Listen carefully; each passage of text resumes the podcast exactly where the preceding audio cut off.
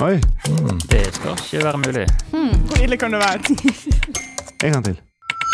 Jøss er her igjen inni øregangene dine.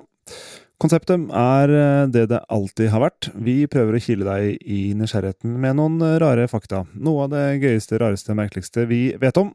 Og vi, det er i dag Kirsti Vindberg. Hei, hei. Hei, velkommen tilbake. Takk. Kufluenser, opptatt av avl.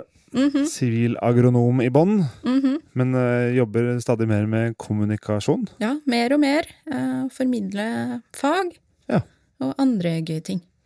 Men jeg ble kjent med deg gjennom uh, kunnskap om kua. Instagram. Instagram, ja. Mm.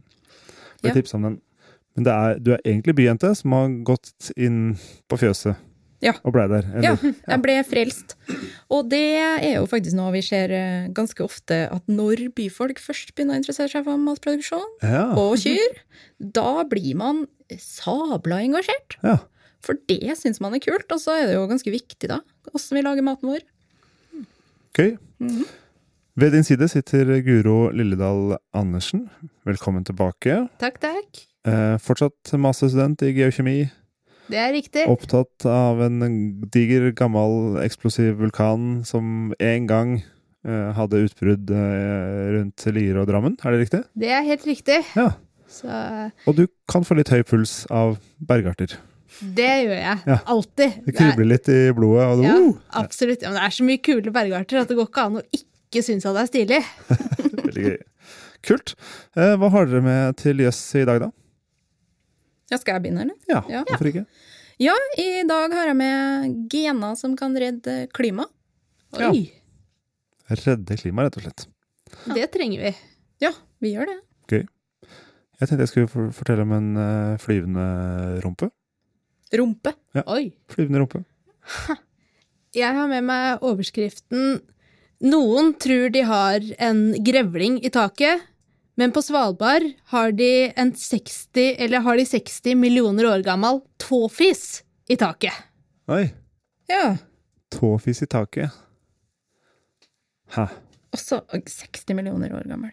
Ja, for det, for jeg tenkte kan det være noen gamle gruvebaser som har uh, gått opp ned, eller, men det er 60 millioner er litt, litt for Nei, siden. de er ikke 60 millioner år gamle, Nei, de, da lurer jeg altså. på hvor den tåfisen kommer fra. Men uh, ja, jeg blir, uh, jeg blir frista.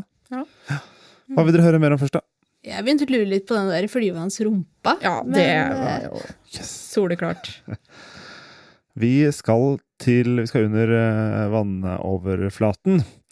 Til en skapning som har fått tilnavn som eh, griserumpeorm. Eller da flytende, flyvende rumpe. Altså den flyr ikke i lufta, den, den, den, den svever da med vannmassene.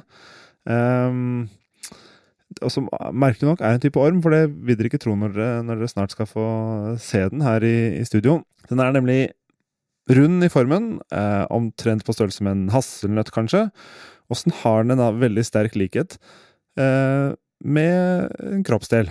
Um, og det er, det er ikke sikkert om dere er enige med rumpe, det skal vi se snart. Da, fordi jeg tenker at det er, kan også være andre eh, kroppsdeler den ligner på. Um, den, um, den holder seg rundt sånn 1000 meters dyp um, ish, i det som heter oksygenminimumsonen, der det er veldig lite eh, oksygen. Og så flyter den rundt helt sånn passivt med eh, vannmassene. Um, munndelen nedover, mens eh, rumpehullet, som det ser ut som, da, er vendt mot overflaten. Og så kan dere se, den kalles da for en eh, griserumpe, men jeg, jeg, det kan jo ligne litt på kvinnelige eh, kjønnsorgan også, syns jeg, da, hvis jeg får lov til å si det som, eh, som mann. Har liksom likhet med forskjellige ting. Og så har han på andre siden en slags lepper eller munn. Ja, det der, det greia du viser oss nå, det det Det er Munn? den, ja, og dette er den Ja. ormen. Men det ser ut som en liten rumpe, det òg. Ja, Den- gjør det ikke det? det er, altså, jeg um, Det er en rumpe inni en rumpe inni en rumpe. Enig. Nå henger ikke jeg eh, så mye på kondomeriet, men jeg vil jo, dette minner meg på en måte om litt noe ting fra den verden. Det er noe veldig Jeg tror at hvis jeg hadde dykka og oppdaga den her, så ville jeg måtte satt saltvann i halsen, for jeg hadde, blitt så, jeg hadde begynt å le. For skapningen er så absurd, da. Men hvor stor omtrent var den var? Hasselnøtt. Nei. Ok. Så det er mye mindre enn den ser ut på de store bildene jeg har eh, her, da, selvfølgelig. Um, så, eh, og, og siden de ikke har noen eh, mm, Det er på en måte midtdelen av denne ormen som er veldig oppblåst. Den blåser opp nesten som en ballong, eller to ballonger, siden det er rumpe, rumpeballer, så jeg kalle det for det. Um, og den eh, kan ikke svømme, ikke sant? den bare driver gjennom vannet. og derfor så, um, ja, har den heller ikke lange, utstikkende et eller annet. Den har ikke noe til å samle mat med. Så den, er liksom, den må stole på å bare filtrere vann eh, gjennom seg selv for å overleve. Um, og, og jeg ville bare at du skulle vite, egentlig, at det finnes da, et, et, dyr eh, som flyter helt sånn eh, hvileløst, helt uten mål og mening, rundt der nede, og ser ut som eh, ja, enten en rumpe eller noe sånn eh, sexleketøyaktig greier du får på, på kondomeriet. Hvis du vil mm, google den, så Ja. er det da eh, Caetopterus puga porcinus. På latinsk så oversettes det til ligner en griserumpe. Det er liksom det det latinske navnet betyr. Så det er ikke, det er ikke bare jeg som syns det ligner på en griserumpe, da. Vil jeg, gjerne, jeg vil gjerne, avskrive meg det. Det, det, og folk må òg google det her. Ja, At det ligner på en rumpe. Men hadde du bare vist meg det bildet, uten noe kontekst, Ja. så hadde jeg tenkt at det her er en eller annen sånn røntgenbildetype slag av eh, Ja, også, også menneske, altså. Kvinne. Ja, Mm. Enig. Eller, eller sånn når du sitter oppå en skrive... Nei, kopimaskin. Det kan se litt ut som en glassblåser har prøvd å lage det kvinnelige underliv, kanskje. Eller en rumpe. Det er litt sånn avhengig av hvilken vei du eh, ser den. Men den har en helt sånn tydelig rumpesprekk, da. Men det er veldig rart at det er en orm. Det ser ut som en slags manet. Enig. Mm. Og så har man ikke funnet så mange av den. ikke sant? Den er observert sånn, jeg tror det var rundt 10 10-15 ganger, kanskje.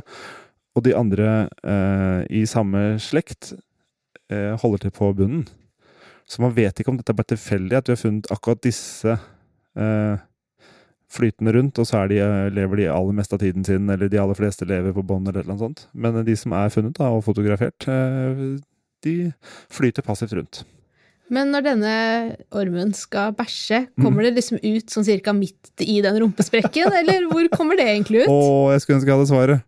Skulle ønske, altså De omtaler det som ser ut som munnen, som munnen, men om det andre da faktisk er eh, anus, om det kommer noe ut, det vet jeg ikke. Men det hadde jo hadde vært passende.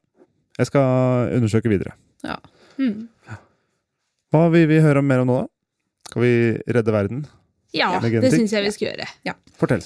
Ja, eh, klima og eh, ku er jo litt kontroversielt eh, tema. Kua får jo veldig mye kjeft da, i klimasammenheng. Ja. Fordi vi vet jo alle sammen at eh, kua har eh, til dels vesentlige klimagassutslipp. Vet dere, Men er, er det ikke en stor, bred misforståelse? Alle tror at kua promper skinnvarme, ja. og så er det egentlig rapen som i så fall har skylda? ja, Er det riktig? jeg skulle til å spørre noe, om dere visste det. Ja, nå kom du meg i forkjøpet. har jeg hele greia. Men er, det stemmer det? At de Ja, fleste Du som snakker mye om kua, folk kommer og sier sånn Ja, men de promper jo så masse. Ja, nei, det er så irriterende, da. Så jeg har jo gjort det til min hjertesak å få liksom det ut i verden. At det er ikke prompen, folkens! Er ikke prompen! Det er rapen. Ja. Så um, det er faktisk Det er så mye som eh, 97-99% rap. Ja. Og det henger jo sammen med hvorfor slipper den ut så mye klimagassutslipp i utgangspunktet. Mm. For det handler jo ikke om det som skjer i tarmen og gjødsla til kua, det handler jo om det som skjer i øvre deler av fordøyelsessystemet. Ah, Ikke sant? Så det handler om at eh, gresset går inn, og så skal det fordøyes og brytes ned, og sånn, og så må det rapes ut masse gass, fordi gresset er jo ganske tungt fordøyelig, da. Og det er jo her de eh, genene kommer inn. ja. For det er jo også veldig vanlig å tenke at så det eneste vi kan gjøre for å redusere klimagassutslipp fra ku og andre drøvtyggende dyr, altså flermaga dyr som sau og geit og sånn, det er at vi bare må kutte dem ut. altså Vi må slutte, slutte å ha dem. da. Eh, Det er en ganske dårlig idé, fordi eh, veldig store ressurser er jo i verden, og, og også i Norge, er jo sånn at vi kan ikke ha noe annen matproduksjon enn husdyrbasert. Fordi vi kan ikke dyrke noe annet enn gress av fjell og geografi og klima, ikke sant? Så hvis vi kutter ut all kua eller all sauen eller all geita, så mister vi rett og slett evnen til å lage eh, en del mat. Så i stedet for å bare kutte ut kua, så har vi jo selvfølgelig begynt å forske ganske masse på ja, men kan vi da redusere klimagassutslippene eh, på kua, uten å bare droppe den helt. Og det viser seg jo, ja, det kan man jo. Skal de gå med sånn ballong over eh, truten for å fange opp gassen? Ja, eh, det Datainnsamlinga det, det fungerte litt sånn eh, litt før i tida. Da hadde du Ja. sånn gassmaske ja. på dem. Eh, for forskninga, jeg lurer på om alle kuer skulle få det bare for å stoppe, ja. bare for å fange opp oh, ja, gassen. Så kan vi nyttiggjøre oss gassen. Oh, Nei, det blir vanskelig. ja, nei, ja, kanskje litt dårlig Men til forskning har man faktisk satt på man. holdt jeg på å si. Ja, sånn, sånn gasskammer omvendt, da. Hæ. Som eh, måler. Vi, vi har moderne metoder, gjør det litt mindre invasivt, som vi sier, Ja. på det. Da har vi jo sånne kraftfòrautomater nærmest, som den kommer, og så spiser den, og så bare måler vi hvor mye utslipp. Jeg har jo forska på det her sjøl, så jeg jobba med den dataen. Så det er jo veldig spennende. Men raper den like mye av kraftfòr som av gress, eller mer eller mindre? Ja, det, å, det er et interessant spørsmål, da. Eh, skal jeg, se, jeg må svare på det, kanskje, framfor å snakke enda mer om genetikken. det er stort felt. Stort felt. Uh, nei, uh, kua spiser jo både gress og kraftfôr, fordi egentlig kan den spise 100% gress hvis den vil, altså grovfôr. Men vi fôrer jo også kraftfôr for det er litt mer effektivt, og så får du faktisk optimalisert fordøyelsen og sånn. da. Det er mange også som tror at kraftfôr er bare 100% soya. Det er det jo ikke. Totalrasjonen til en ku er jo 3% soya. Så kraftfôr er jo egentlig et verktøy som, hvis du kutter ut den soyaen, som kan være utrolig effektivt, og når en ku spiser mer kraftfôr, da slipper den ut mindre klimagassutslipp. Mm. Og alt det her handler om biologien i eh, det som populært kalles magen til kua, men som egentlig er en formage. Vom. Og nedi der bor det nemlig sånn eh, tusenvis, millionvis, kanskje milliardvis til og med, jeg vet ikke, av eh, bakterier og organismer. Så et helt eget økosystem som bryter ned gress. Og drøvtyggere er jo eneste pattedyr som kan bryte ned gress og hente energi fra det. Og Men da blir det jo også litt metangass ut av det. Og det vil vi helst ikke skal være i vom, for da blir det jo en ballong, blåse opp, eksplodere. Ugunstig. Ja. Så da må det ut. Det må rapes ut. Og jo mer grovfòr, grovfôr, jo mer av den prosessen, fordi det er den tyngste fordøyelsesprosessen som skjer inn her. Da. Så finnes det masse sånn tiltak man kan gjøre for å redusere det, og veldig mye av det er ernæring og eh, management. Men så er det jo i tillegg, og jeg har jo også bistått på forska på, er det noe genfaktor i det her? Er det genetisk forskjell på Ah. Vil en ku som raper lite klimagasser, få unger som også raper lite klimagasser? Ja, riktig. Ah. Er det arvelig? Men hvis den ikke raper, får den ikke litt vondt i ikke magen da, men vommen da? Ja, ja, ja, det er krise. Ja, det heter faktisk ballong. Hvis en ku får noe satt fast i halsen, Ja. så blåser den opp og, og dør faktisk av det. Og det heter ballong. Ballong, ballongvom. Ballongvom. Eller trommehinne. Ja, trommevom. Ja. Yes. Men er det bra å avle de som ikke raper da? Ja, ja nei, eh, det å sette fast noe i halsen er jo ikke genetikk, det er miljøpåvirkning. Så, så det ville jo ikke vært det i så fall man hadde avla på. Men det forskning har vist, og det her er jo Ja, nå må du relativt svare på Ja, ja, ja. om det er, om det er noe arvbarhet. Ja, svaret ja. Det er det. Det er arvelig. Så vi har jo faktisk også noe det er estimert det som kalles arvbarhet. Det er jo statistiske størrelsen som måler hvor arvelig en ting er. Mm. På eh, metanutslipp. Og den er mer enn høy nok til at man kan avle på, faktisk. Oi. Ja, Så du kan avle på. Da har du, gen du har funnet genene som eh, redder klimaet. Hm. Og vi får mat. Ja. Ja. Melk og kjøtt. Redder. Det er i hvert fall en, en faktor, da. Redder, Ja. kanskje. Det skal være litt kanskje ikke egenhendig, da. Ja, ja. Men man kan litt tabloid, avle, ja, avle fram kuer som eh, er mer eh, klimavennlige enn de vi har i dag. Ja. Er, er mulig, er det Ja, du sier? ja, ja, ja. Det er fullt mulig. Så det er jo veldig spennende. Ja. Og noe som burde gjøres. Eh, problemet er jo selvfølgelig at hvis vi kutter ut kua før vi rekker, eller hvis vi kutter ut altfor mye av kua, så blir jo avlen mindre effektiv. For eh, god avl med, med gode resultat handler jo om å ha mange dyr. Ah, ja, så Ja. Du, du sier ikke slutt å spise så mye kjøtt, for da klarer vi ikke å forske nok? Er det du sier? Ja. Som forsker ville jeg definitivt sagt det. Vi må slutte å kutte ut, vi trenger data, datainnsamling. Ja. Men uh, vi skal nok redusere kjøttforbruket vårt litt, altså. Det er ikke det jeg sier, at det er bare enten-eller. Men jeg syns kanskje kua Det kommer ikke fram nok, da. Jeg tror veldig få vet det, kanskje. Men folk vet jo ikke at det er forskjell på rap og fis engang, så Altså, jeg vet det for min egen del, men ikke når det kommer til kua. Da er det Guro, da. Ja, da kan vi gå fra rap til tåfis. Perfekt. Så da skal vi uh, dra tilbake Fra rumpe ja, til rap til tåfis. Nå oh, snakker det vi. er Det er en god episode. Uh, Da reiser vi tilbake til Ikke så langt tilbake i tid denne gangen, men til desember 2006. Ja. Det var overraskende kort til å være Ja. geolog. Ja. Uh, vi skal reise litt mer etter hvert. Men eh, eh, da var det to gruvearbeidere i Gruve 7 i Longyearbyen som hadde en ganske vanlig arbeidsdag, hvor de var inne i gruva og tok ut køl. Men så ø, oppdager de plutselig noen klumper i taket.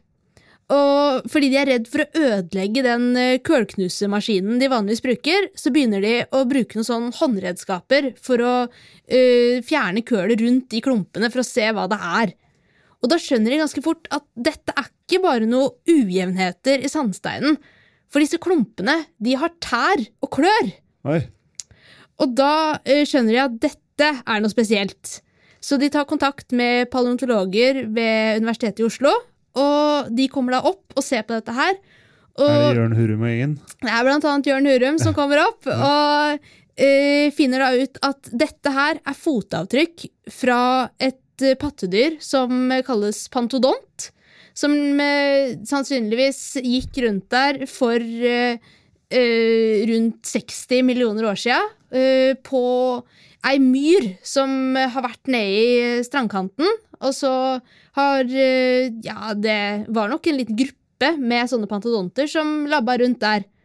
Og så etterpå så må havet ha flomma over den myra, sånn at det ble avsatt masse sand oppå uh, torven. For hvis ikke vi hadde fått sand oppå der, så hadde ikke torven klart å bevare de fotspora. Men fordi sanda la seg nede der, så blei de eh, sånne tydelige avstøpninger. Som etter hvert som det la seg mer både torv og sand over, så blei torva til køl, og sanda blei til sandstein, og vi fikk da bevart de fotspora her. Wow. Ja. Det er uh, veldig fascinerende. Hva denne eh, Patodon. patodonten, hva Ja. slags dyr er det? Eh, Pantodont det var et av de første store pattedyra som eh, kom etter at dinosaurene hadde dødd ut. For nettopp det at dinosaurene døde ut, gjorde at pattedyra kunne erobre jorda. Og eh, da de pantodontene de kan se litt ut som Hvis dere har sett et flodsvin Ja. eh, Det er en gnager eh, med liksom brun pels.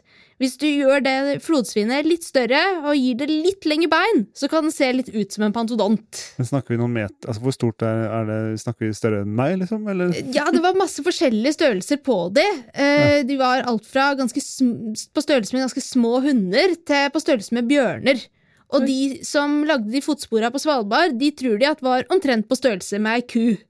Ah. Uh, så det var ganske Vet du noe om de rap, rapa mye? Om det var klimagasser? det, det tror jeg er litt vanskelig å bevare steinen. Så det, og de har dessverre dødd ut, så vi ja. kan ikke De spiste eh, planter. Så de var planteetere som spiste uh, de forskjellige plantene som var i den myra som de gikk rundt i. Så og sjøl om dette her høres ganske spesielt ut, så er det faktisk ikke så uvanlig å finne sånne fotspor inni kullgruver. For eh, i Amerika så har det vært flere ganger hvor de har funnet fotspor, og det skal visstnok være ett tilfelle av en gruvearbeider som fikk et eh, dinosaurfotavtrykk i huet og daua. Og han er jo da kanskje det eneste mennesket som noen gang har blitt tråkka i hjel av en dinosaur. Ah. Og siden har det blitt en vits som folk forteller sånn som det der. Tenk deg Ja. det. Du har, Ja, ja, det er på en måte gøy, trist, på en måte. På et rart vis. Ja, hvis jeg først skal dø i en, i en eh, kullgruve, så Ja. Da vil jeg dø av å bli tra trampa i hjel av en dinosaur. Ja, Det er veldig sant. Går det jo i historiebøkene? Mm. Men jeg, jeg lurer på, det her fotsporet de fant, var det, altså, var det som om det dyret hadde gått opp, gått i taket? Hvis du skjønner hva jeg spør om? Ja, nei, for du ser undersida av foten. Ikke Eh, sant? Så det er riktig vei, på en ja, måte. det er det. Så jeg vil anbefale lytterne absolutt å google pantodont eh, og Svalbard, fordi de fotsporene er helt utrolige. Du ser virkelig både tærne og klørne, og det er, det er umulig å skulle tro på at den egentlig er 60 millioner år gammel. Så dinosauren har tråkka ned eh, spor i, i noe gjørmete, myrete Ja, eller pantodonten var ikke en dinosaur, men Unnskyld. unnskyld. Det er bra du rydder opp. Ja. Ja. Og så fylles det med sand, og det vi nå ser, er på en måte det, den sanda som har blitt fylt, har blitt til stein. Så Mhm. ser du ser på en måte en avstøpning av eh, Mm. av foten, da. ja, Men- det er absolutt Den hula, åssen altså, kom Gruve. Har det bare blitt en Ja, det hule det er- under, det var akkurat inn- under det fotsporet? Var det litt flaks, da? Ja, nei, for det var inne i en av kullgruvene på Svalbard, så de tok eh, når De de, hogger jo ut kølet som, Ja, som var under Ja. foten. Og når de jobber i kullgruver, så tar de bare ut kullaget, så de lar gjerne sandsteinen over og under bli igjen, og Ja. bare tar ut selve kullaget. Og da når det plutselig stakk noe ned ovenfra i kullaget, så var det jo ikke sånn som det pleier å være, for vanligvis så er de overgangene relativt rette.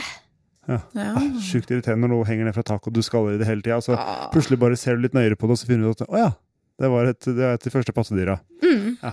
Det er første gang det er funnet spor av uh, pattedyr fra den tida på Svalbard, så det var virkelig uh, sens sensasjonelt, det er det her. Så Ja. det Kan man besøke det? Dra og se på uh, Noen av de er utstilt på Svalbard museum.